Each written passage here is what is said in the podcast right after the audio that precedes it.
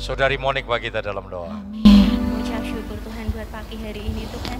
Kami mengamini Tuhan setiap pujian. Haleluya. Ya, ya Yesus. Tuhan kami sanggup Tuhan Ya. taruh di dalam tanganmu Tuhan. Dalam nama Kami Yesus. sudah memuji, memuliakan namamu Tuhan. Tiba saatnya kami akan mendengarkan firmanmu Terima kasih, Tuhan. Tuhan. Berbicaralah Tuhan lewat hambamu Tuhan. Yesus. Kami siap Tuhan mendengarkan firmanmu di dalam nama Dalam Tuhan nama Yesus Tuhan Kristus. Yesus Kristus. Haleluya Tuhan. Amin. Amin. Amin. Puji Tuhan. Silakan duduk. Selamat pagi. Selamat kita boleh kembali bertemu dalam kasih Tuhan. Bapak Ibu sudah diberkati pada pagi yang indah ini. Amin ya. Hari ini kita memulai acara safari Natal di sepanjang bulan Desember dan besok sudah mulai ada sepanjang minggu ini Natal-Natal untuk rayon ya, Natal-Natal wadah. Mari kita nikmati dengan sukacita ya setelah hampir tiga tahun ya kita dua tahun Natal ini kita tidak bisa melakukan banyak hal tetapi puji Tuhan tahun ini kita bisa melakukan ibadah-ibadah kita tetapi tetap menjaga protokol kesehatan ya. Jangan lupa itu. Mari kita sama-sama menikmati firman Tuhan. Tema firman Tuhan pada pagi yang indah ini adalah kasih karunia Tuhan ya. Sepanjang bulan Desember kita akan melihat tentang kasih setia Tuhan kelahiran Yesus itu bagian dari kasih Tuhan kepada umat manusia. Yohanes 3:16 katakan karena begitu besar kasih Allah akan dunia ini sehingga ia mengaruniakan anaknya yang tunggal supaya setiap orang yang percaya kepadanya tidak binasa. Ya jadi itu bukti kasih Tuhan. Dan kelahiran Yesus Natal bukan puncak dari misi Allah untuk menyelamatkan umat manusia tetapi rangkaian paket Saudara ya dimulai dari Natal dan nanti uh, setelah bulan-bulan April kita akan memperingati hari Paskah ya kebangkitan lalu kenaikan turunnya Roh Kudus dan masih satu lagi misi Allah akan dituntaskan yaitu dengan kedatangan Tuhan kali yang kedua. Ya, ketika Yesus naik ke surga, dia sudah mempersiapkan umatnya bahwa Tuhan nanti akan datang dengan cara yang sama dikatakan. Karena itu Tuhan memperlengkapi dengan penyertaannya, memperlengkapi dengan kuasa Roh Kudus kisah 1 ayat 8 dan Tuhan juga memperlengkapi kita dengan senjata perlengkapan Allah untuk menghadapi peperangan iman kita, peperangan akhir zaman. Dan memang itu senang tidak senang, suka nggak suka kita nggak bisa hindari saudara. Maka selalu saya katakan dulu, Bapak Tekokce katakan, kalau berdoa untuk supaya nggak ada perang itu sebenarnya doa yang tidak alkitabiah. Karena firman Tuhan katakan di Matius 24 di hari-hari akhir akan terjadi peperangan, kelaparan. ya Ini bencana terus menerus saudara ya. Jadi kalau sudah amati ya, kita harus terus berdoa, berdoa supaya tidak ada bencana, tidak. Berdoa supaya kita dikuatkan, kita tetap senantiasa ada dalam perlindungan Tuhan. Ya kemarin di Garut, ya beberapa waktu kemarin Cianjur dan Indonesia juga dikatakan akan terjadi gempa di berbagai tempat nanti kalau kita membaca Matius 24 Saudara ya. Dan itu tanda-tanda Tuhan. Nah, bagaimana supaya kita tetap beriman kepada Tuhan? Pandemi belum selesai ya dan pandemi juga bagian dari uh, dari firman Tuhan tentang keadaan akhir zaman. Tetapi jangan takut, kita dipelengkapi Tuhan ya dengan kasih setianya itu yang paling utama kasih setia Tuhan senantiasa memelihara hidup kita. Ya pagi yang indah ini kita akan melihat tentang kasih karunia Tuhan. Mari kita lihat sama-sama dalam Efesus 2 ayat 8 hingga yang ke-9 Efesus 2 ayat 8 hingga yang ke-9 saya undang kita bangkit berdiri bersama-sama. Kita membaca ayat ini bersama-sama ya. Efesus 2 ayat 8 hingga yang ke-9 kita akan baca bersama-sama ya. Dua, tiga. Sebab karena kasih karunia kamu diselamatkan oleh iman, itu bukan hasil usahamu, tetapi pemberian Allah. Itu bukan hasil pekerjaanmu, jangan ada orang yang memegahkan diri. Puji Tuhan, silakan duduk. Ya, dikatakan kita diselamatkan itu bukan karena hasil usaha kita, nggak bisa, saudara. Yang masih ingat ya, eh, apa ada ilustrasi tentang keselamatan itu. Ada satu tebing dengan tebing, lalu apa di bawah, di tengah-tengahnya itu api, Lalu di situ digambarkan yang pertama kali, yaitu dari LPMI sudah ya, eh, pengetahuan. Pengetahuan tidak pernah bisa membawa kita kepada keselamatan.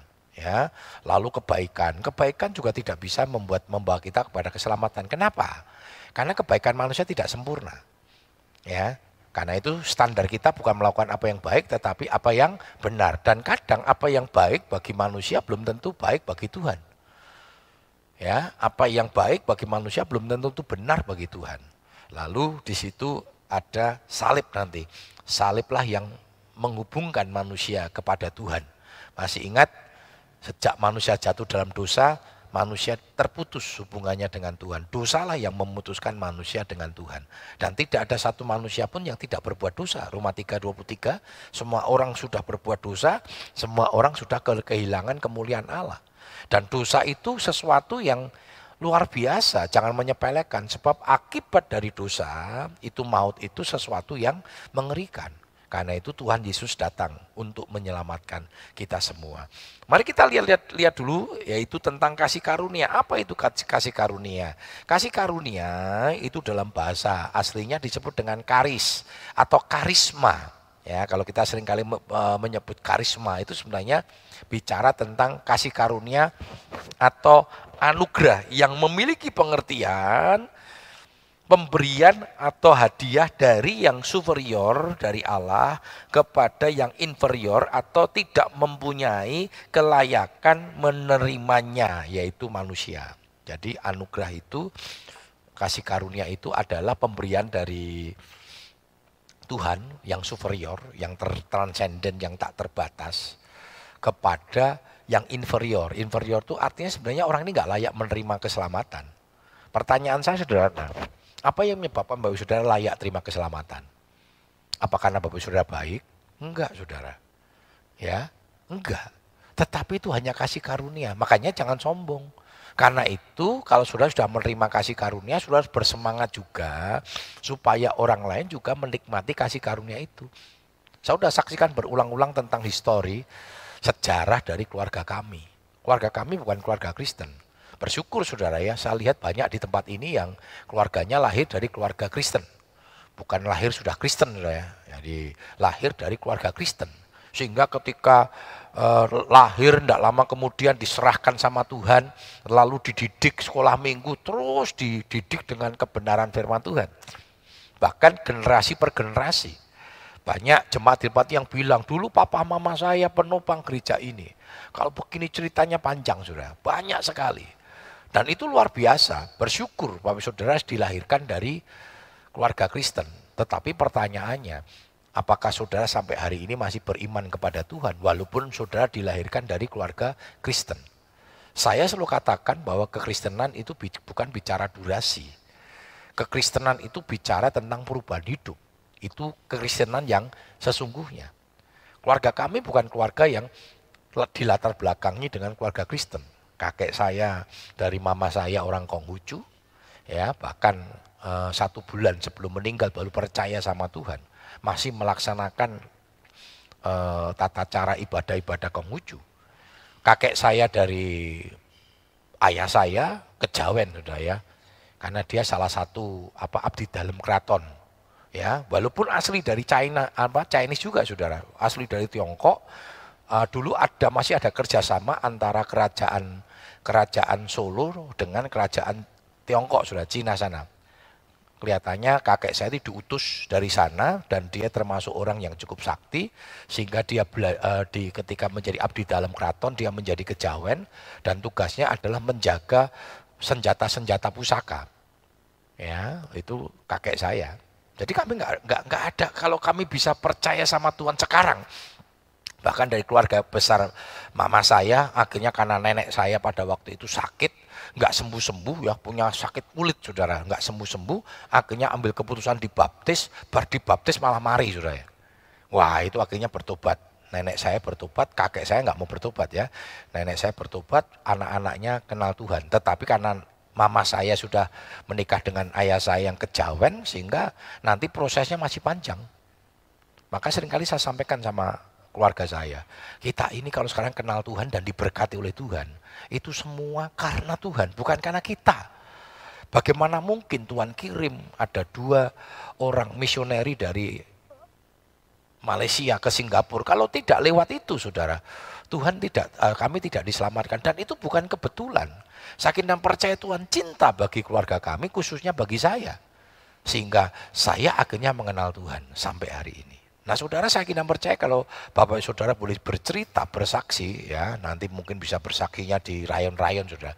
Bagaimana saudara kenal Tuhan. Tetapi kalau sudah kenal Tuhan karena sejak dari lahir karena orang tua sudah kenal dan sudah tidak pernah mengalami pengalaman-pengalaman pribadi dengan Tuhan, nah itu yang perlu perlu saudara minta sama Tuhan. Ya, nah saudara kita lihat sama-sama. Kenapa disebut kasih karunia? Yang pertama saudara, buah dari kasih karunia itu apa saudara? Hasil dari kasih karunia itu apa? Keselamatan. Ya, keselamatan. Dan jangan lupa saudara, keselamatan itu sesuatu yang berharga. Ingat manusia tidak punya hari depan. Manusia tidak punya masa depan karena dosa. Coba kita lihat sama-sama di dalam Yohanes 3 ayat 16. Yohanes ya. Yohanes 3 ayat yang ke-16. Karena begitu besar kasih Allah akan dunia ini sehingga ia telah mengaruniakan anaknya yang tunggal supaya setiap orang yang percaya kepadanya tidak binasa melainkan beroleh hidup yang kekal. Perhatikan sudah dikatakan karena begitu besar. Kata begitu besar saudara itu satu bahasa yang tidak bisa diterjemahkan dengan keterbatasan dari bahasa Indonesia. Ya, jadi keterbatasan dari bahasa Indonesia, Saudara. Kalau diterjemahkan itu begitu, Saudara. Karena sangat amat luar biasa besar gitu, Saudara ya. Artinya kebesaran yang tiada batasnya, kebesaran kasih Allah yang tiada bandingnya. Itu nanti tema Natal kita ya, eh, MMT-nya sudah ada dipasang. Makanya itu sepanjang bulan Desember ini kita akan melihat tema tentang kasih Tuhan supaya kita mengerti dan merasakan. Supaya kita mengerti dan merasakan arti keselamatan itu. Dikatakan tadi karena begitu besar kasih Allah akan dunia ini sehingga setiap orang yang per, uh, dia mengaruniakan anaknya yang tunggal supaya setiap orang yang percaya kepadanya tidak binasa. Berarti sebelum ada kasih karunia yang dinyatakan dalam hidup kita manusia nggak selamat sudah. Kenapa? Karena dosa. Dosa itu sesuatu yang mengerikan. Jangan main-main. Elah gak itu. So, seperti teman saya, saudara. Waktu saya mau injili, dia langsung ngomong begini, saudara. Rasa injili aku. Cita-citaku orang melebu surga katanya. Gue pasti injili. Karena waktu itu saya juga masih STM, sudah ya. SLTA yang masih pokoknya asal apa ya, wasal semangat nginjili tanpa punya teknis. Jadi teman-teman udah tahu, pokoknya setiap kali istirahat saya nginjili satu orang, satu orang sudah. Dan luar biasa, tidak ada yang dimenangkan sampai saya lulus saudara. Jadi waktu masuk kelas 1 itu 20 orang, orang Kristen, kelas 2 tinggal dua, yang lainnya sudah terkamirkan ya pergaulan yang bur, apa baik eh, pergaulan yang sesat merusak kebiasaan yang baik sudah. Lalu ketika kelas 3 saya sendirian sudah habis. Tapi ternyata Injil itu nanti baru berkarya, bekerja setelah lulus sudah. Banyak teman-teman saya yang hidupnya nggak beres, nggak cinta Tuhan, hancur saudara. Sehingga akhirnya mereka datang karena iman saya. Apa saya pernah injilkan, mereka datang, mereka uh, akhirnya percaya sama Tuhan. Ya, bahkan terus sudah dalam perjalanan hidup itu seperti itu. Nah teman saya ini nggak mau sudah. Dia berkata, oh coba injili, aku ngerti kan, kue kan menawarkan surga, penginjilan itu. Mau cita-cita kurang nebu surga, kata. Wah, ada loh saudara.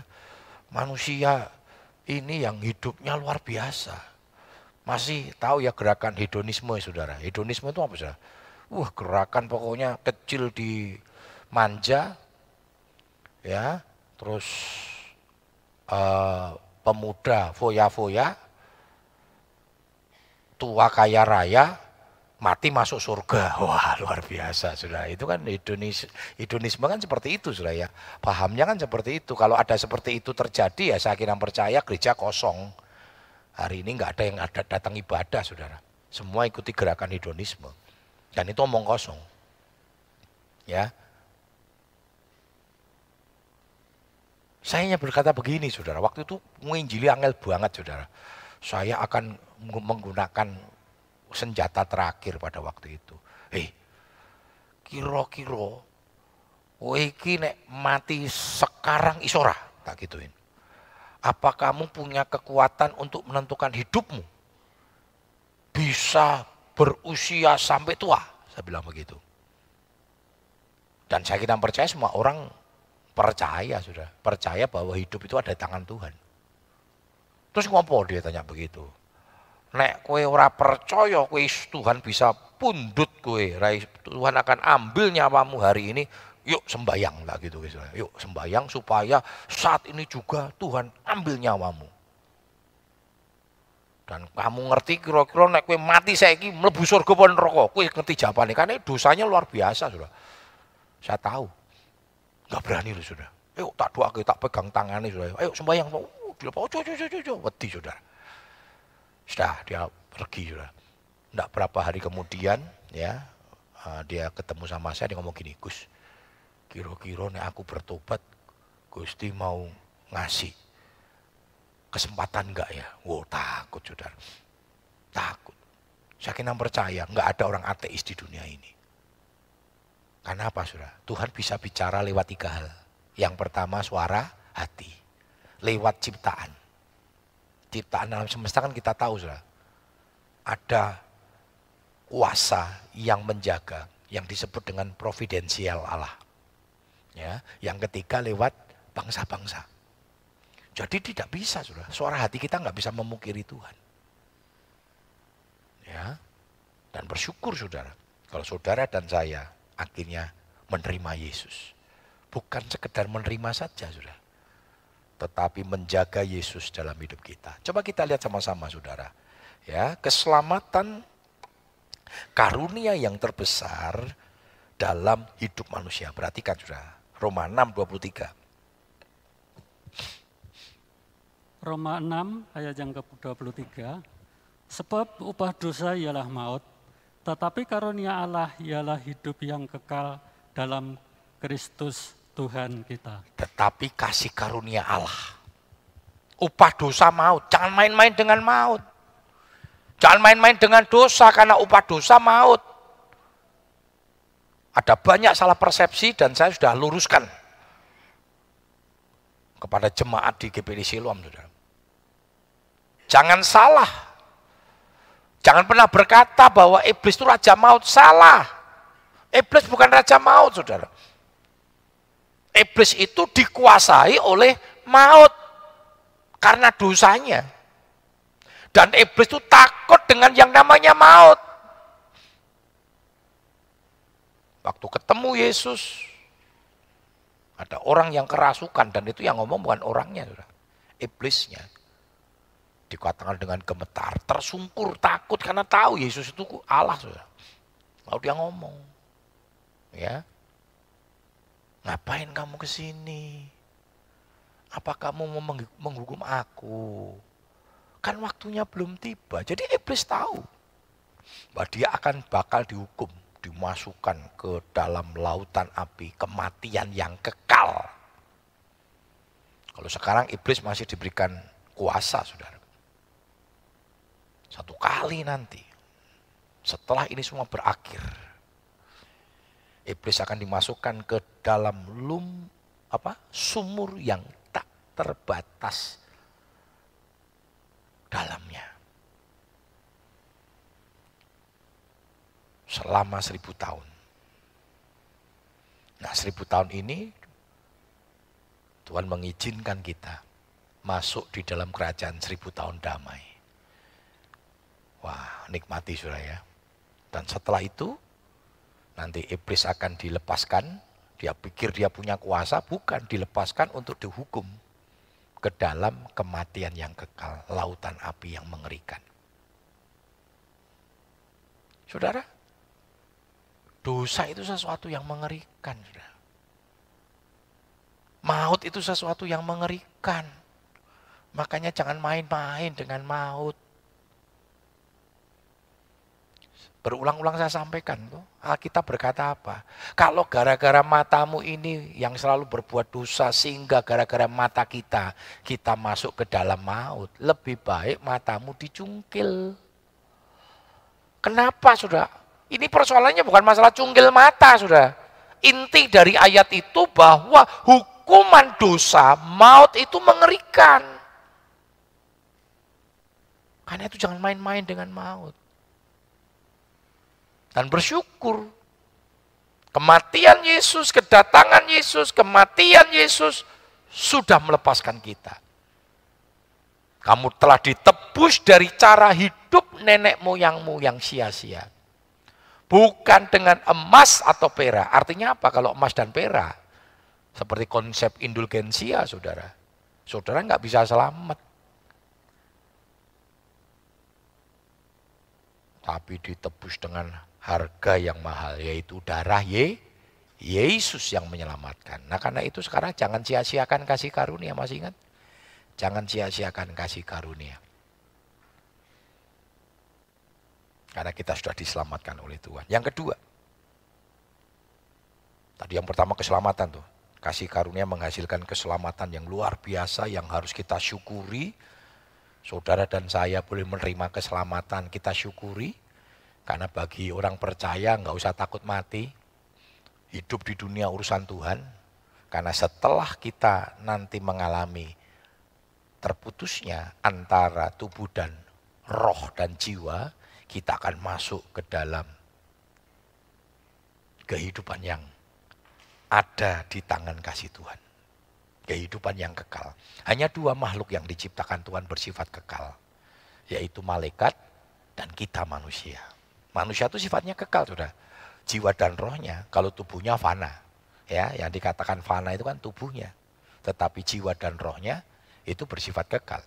Ya, kenapa? Makanya ada ibadah hari Minggu, ada gereja, ada eh, agama-agama eh, karena mereka semua dunia pertahu percaya bahwa hidup manusia itu kekal.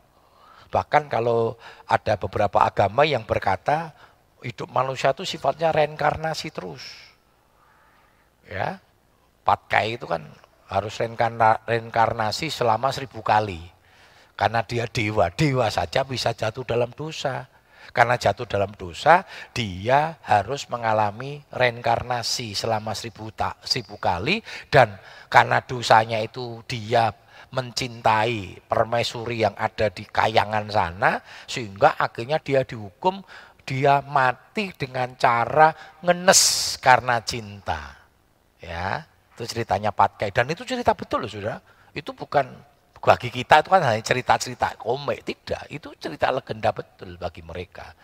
Makanya 500 kali sudah, setiap kali kalau sudah nonton film Sun Gokong sudah ya, setiap kali mau mati kan dia bilang cinta, oh cinta. Betapa menderitanya karena cinta mati. Direinkarnasi lagi, gagal lagi, sampai akhirnya bosen. Sudah 500 kali, mas baru setengah sudah dia protes, wis to, wis to, cukup to, cukup. Akhirnya waktu mau dimasukkan ke lorong lagi untuk reinkarnasi, dia lari saudara. Masuk ke lorong yang salah, lorong untuk jadi binatang. Maka jadilah babi saudara. Dan itu betul, konsep reinkarnasi itu betul loh saudara. Itu bukan kalau bagi kita kan seperti cerita. Tetapi bagi mereka itu sesuatu yang betul. Cerita Sun Gokong itu sesuatu cerita yang betul. Akhirnya mereka puncaknya jadi Buddha. Buddha itu bukan Buddha Gautama. Kalau Buddha Gautama itu memang itu namanya. Buddha itu artinya sempurna. Menjadi sempurna. Nah, sama kan ceritanya sama kita ya. Kita juga disempurnakan di dalam Yesus Kristus. Ya itulah iman, iman setiap agama. Artinya apa? Yang namanya manusia itu memiliki hidup yang kekal. Hidup yang kekal. Itu konsepnya. Makanya mereka perlu satu jalan untuk mencapai kepada hidup yang kekal. Dan kita bersyukur. Tuhan sudah berikan jalan itu saudara ya. Nah sekarang yang kedua, apa itu saudara? Damai sejahtera. Jadi kasih karunia itu memelihara kita dengan damai sejahtera. Walaupun Tuhan katakan di dunia ini akan mengalami berbagai macam persoalan.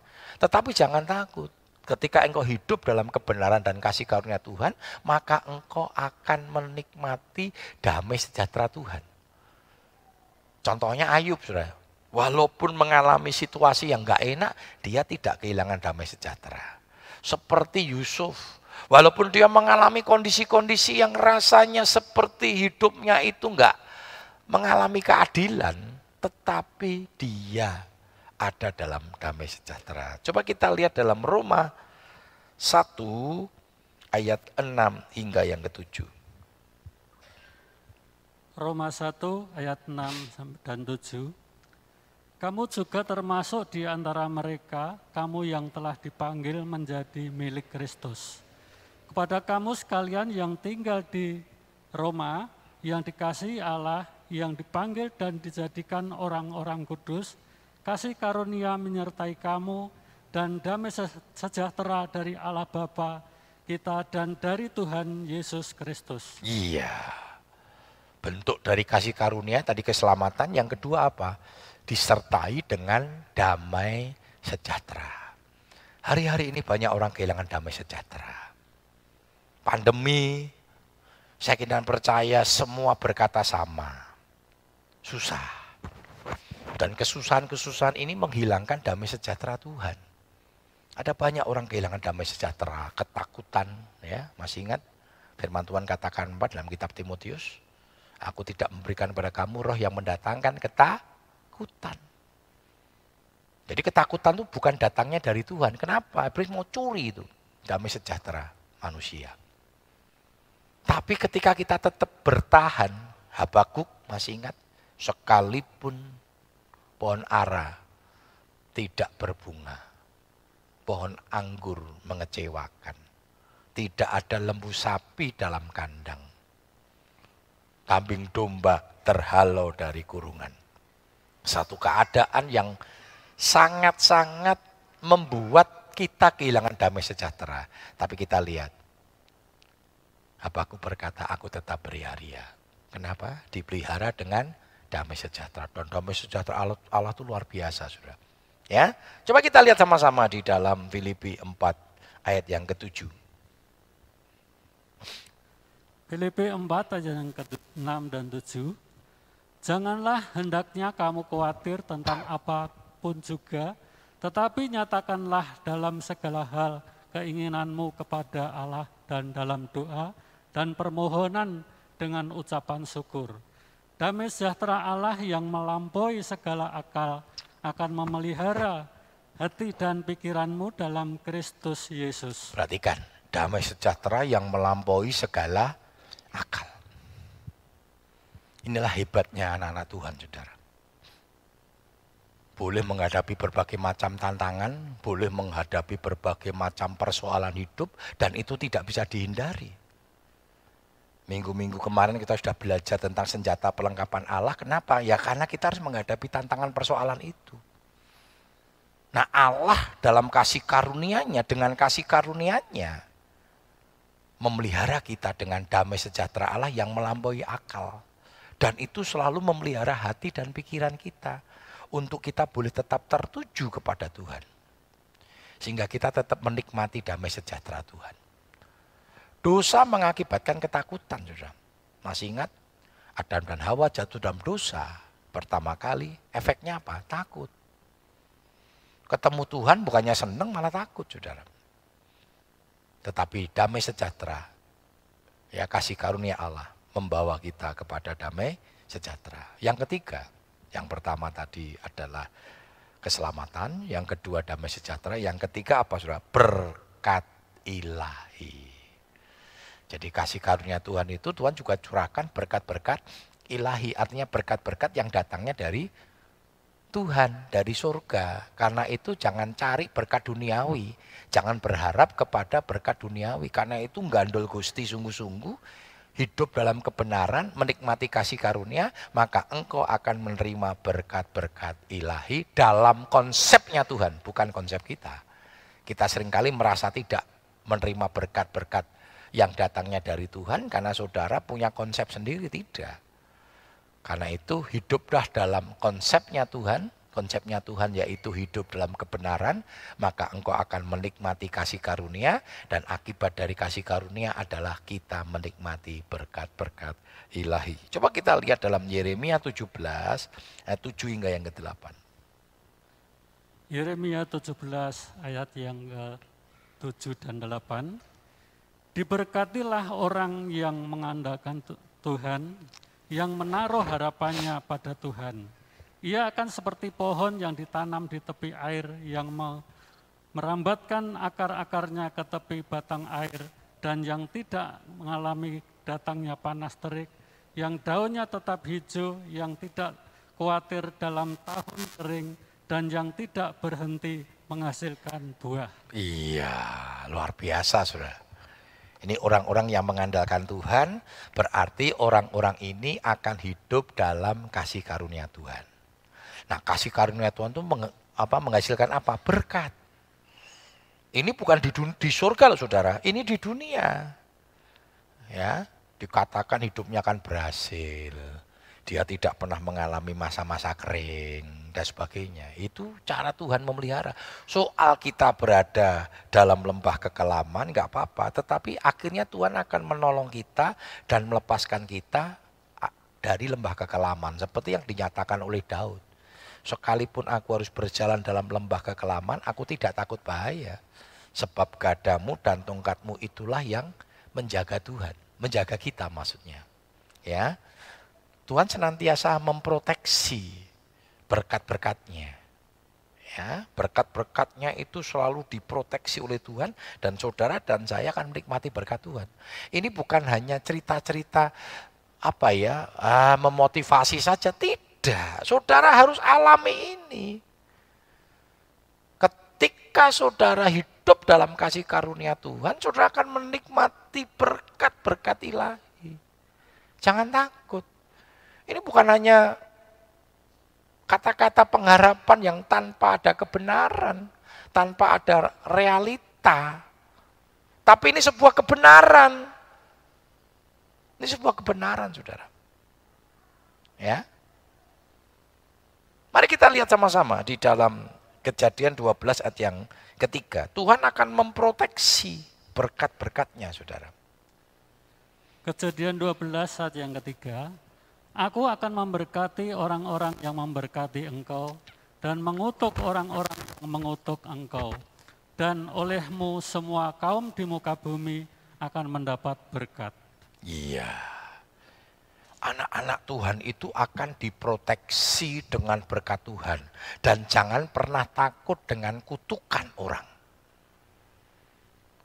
Wih tak dongak ke yo, wih bangkrut, jangan takut saudara. Dan jangan dibalas dengan kutukan juga. Tak dongak ke, kue bangkrut yo, oh kue tak dongak ke kere kue, wah bubar wes. Ini podo kirinya nanti saudara. Ketika kita ngelempar kutuk, maka kutuk itu akan datang kepada kita. Jadi kita dikutuk dua kali saudara. Ya, ketika engkau dikutuk sama orang enggak benar, kalau saudara percaya sama Tuhan dan saudara bales dengan berkat. Tak ke bangkrut, tak ke hidupmu berhasil. Wah, saudara dapat berkat kutuk yang dilemparkan ke kita. Orang yang lempar kutuk kena kutuk sudah. Dan ketika kutuk yang dilemparkan ke kita kembali kepada orang itu kan dikatakan yang kutuk kan dikutuk. Dia sudah dikutuk, kutuk yang datang sama kita balik sudah double kutuk. Karena itu jangan pernah melemparkan kutuk. Lemparkanlah berkat. Amin. Amin. Anak-anak Tuhan lempar berkat. Dikutuk ben, jangan takut. Wong sudah dikutuk tuh diproteksi sama Tuhan kok. Kutuk itu tidak akan pernah berlaku dalam hidup kita kok. Ngapain kita balas kutuk yang akhirnya sudah terkutuk? Nggak usah. Biarkan. Disolimi di ini, biarkan. Karena Tuhan sudah memprotek, Tuhan akan memproteksi berkatnya untuk anak-anak Tuhan. Jangan takut. Dagangannya sepi, usah ngomong saudara. Wah, ki digawe-gawe sama tetangga ki. Karena podo dolan apa? Dodolane podo bandenge, Saudara. Kok kono rame kini sepi. Wah, mesti didukunke. Ora mandi, Saudara. Amin. Loh, ora percaya. Amin. Kenapa? Nah kalau saudara sudah mikir di dukun ke saudara ora percaya mbak Gusti, maka dukunnya mandi. Nggak usahlah berpikir negatif sama orang lain. Sekalipun itu benar terjadi. Saudara didukun ke gen sepi. Jangan takut, Tuhan tetap memproteksi berkat-berkatnya untuk kita. Tapi ketika saudara percaya, Ya sama saja sudah nggak percaya sama proteksinya Tuhan. Ya bangkrut tenan, ora payu tenan saudara. Orang lihat dagangan kita kok rasanya kosong. Ditakoki beberapa kali, kue tutup toh, ora buka. Wah, sampai percaya. Wah, ini dukune mandi. Ya mandi tenan, wong saudara ora percaya mbek Gusti yo. Tapi kalau sudah percaya dalam nama Yesus, Tuhan kita bestrap sudah. Jangan takut, sudah. Sudahlah, jangan pakai wah om percaya ora percaya om. Walah. Sudah mau percaya sama Gusti Yesus, mau percaya sama kebenaran manusia. Ojo percaya. Lu om terserah, percaya percaya. Kalau tanya sama saya, aku ora percaya. Apalagi saya hamba Tuhan lagi. Hamba Tuhan GPDI meneh. Percaya bangsa gitu kan repot. Ono pendeta percaya kelenak-kelenek. Dodolan laku pertama kali, penglaris, penglaris, penglaris, penglaris. Penglaris itu datangnya dari Tuhan, amin. Amin. Kalau ada sampai gembala, eh, gembala, cuma sing gitu tak ke saudara. Ada yang begitu? Enggak ada om, oh nek ini rano, radodolan oh, saudara. Apalagi panitia lagi.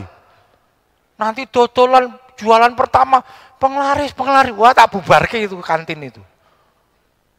Wah panitia malah penglaris penglaris. ayo ayo. Wow. Duh. Lo sudah percaya bahwa Tuhan itu memproteksi berkatnya. Amin. Walaupun ada orang ingin mencoba merampas berkatmu, menghancurkan berkat Tuhan, Tuhan tetap memproteksi. Jangan takut. Dukun ya, masih beberapa hari yang lalu ya, dulu dukun terkenal ya, Ki Joko bodoh. Untungnya sih bertobat akhirnya. Toh akhirnya juga mati. Toh akhirnya mereka bertobat. Kenapa bertobat? Karena Ciki Joko Bodo menyadari bahwa kekuatan-kekuatan gitu itu, waduh, walaupun ada, tetapi ada kekuatan yang lebih besar, yaitu kekuatan Tuhan. Karena itu jangan takut, sudah. Ya, hiduplah dalam kasih karunia Tuhan. Kasih karunia sudah memberikan kepada kita keselamatan yang luar biasa. Damai sejahtera dan berkat-berkat ilahi. Tapi jangan berkonsep pada konsep kita. Berkat namanya berkat ilahi. Yang punya otoritas memberkati adalah Tuhan. Dan jangan pernah takut tentang keadilan Tuhan. Karena Tuhan itu adil, tahu bagaimana memberkati umat-umatnya dengan adil yang sering kali menjadi persoalan kan saudara itu meragukan. Kata percaya itu salah satunya, itu tidak pernah meragukan Tuhan. Percaya bahwa Tuhan itu sangat adil. Tuhan itu senantiasa menolong hidup kita. Walaupun kadang kita itu kan yang membuat persoalannya kan kita merasa tidak adil. Tuhan itu eh, kita merasa bahwa Tuhan itu nggak adil, itu yang salah. Sehingga engkau tidak bisa menikmati berkat yang Tuhan berikan dalam hidup kita. Allah kita adil, Allah kita mengasihi kita, bahkan dia sudah mati di kayu salib. Supaya saudara dan saya selamat. Menikmati keselamatan yang datangnya dari Tuhan. Mari, pagi yang indah ini, kita akan menikmati perjamuan yang kudus. Biar perjamuan kudus ini belum menjadi berkat bagi kita semua. Nikmati perjamuan kudus dengan cara yang benar. Apa artinya? beriman bahwa keselamatan yang kita sudah terima itu karena Tuhan mengasihi kita. Dia mati di kayu salib untuk menebus dosa-dosa kita dan itu sudah clear. Sudah lunas, sudah selesai. Seperti ketika Yesus mati, dia berkata, tetelestai. Sudah selesai itu. Sudah genap. Dan kita boleh menikmati keselamatan. Nah, sekarang tugasnya kita. Allah sudah mengerjakan karyanya yang begitu besar, anugerahnya, kasih karunia-Nya. Sekarang bagaimana kita tidak menyanyiakan kasih karunia Tuhan. Dengan hidup dalam kasih karunia Tuhan. Hati kami bersyukur Tuhan, pagi yang indah ini firman-Mu sudah dibentangkan bagi kami. Kami bersyukur karena Tuhan baik, Tuhan mengasihi kami semua. Sebentar kami akan menikmati tubuh dan darahmu. Bukti bahwa Tuhan mengasihi kami. Bukti bahwa kasih karunia itu sudah diberikan bagi kami. Kuduskan, sucikan kami semua. Kuduskan, sucikan kami pelayan-pelayan perjamuan kudus. Sehingga pelayanan kami boleh berkenan di hadapan Tuhan. Kami akan menikmati perjamuan yang kudus. Hanya di dalam satu nama, yaitu di dalam nama Tuhan Yesus Kristus kami sudah berdoa. Haleluya. Amin. Puji Tuhan.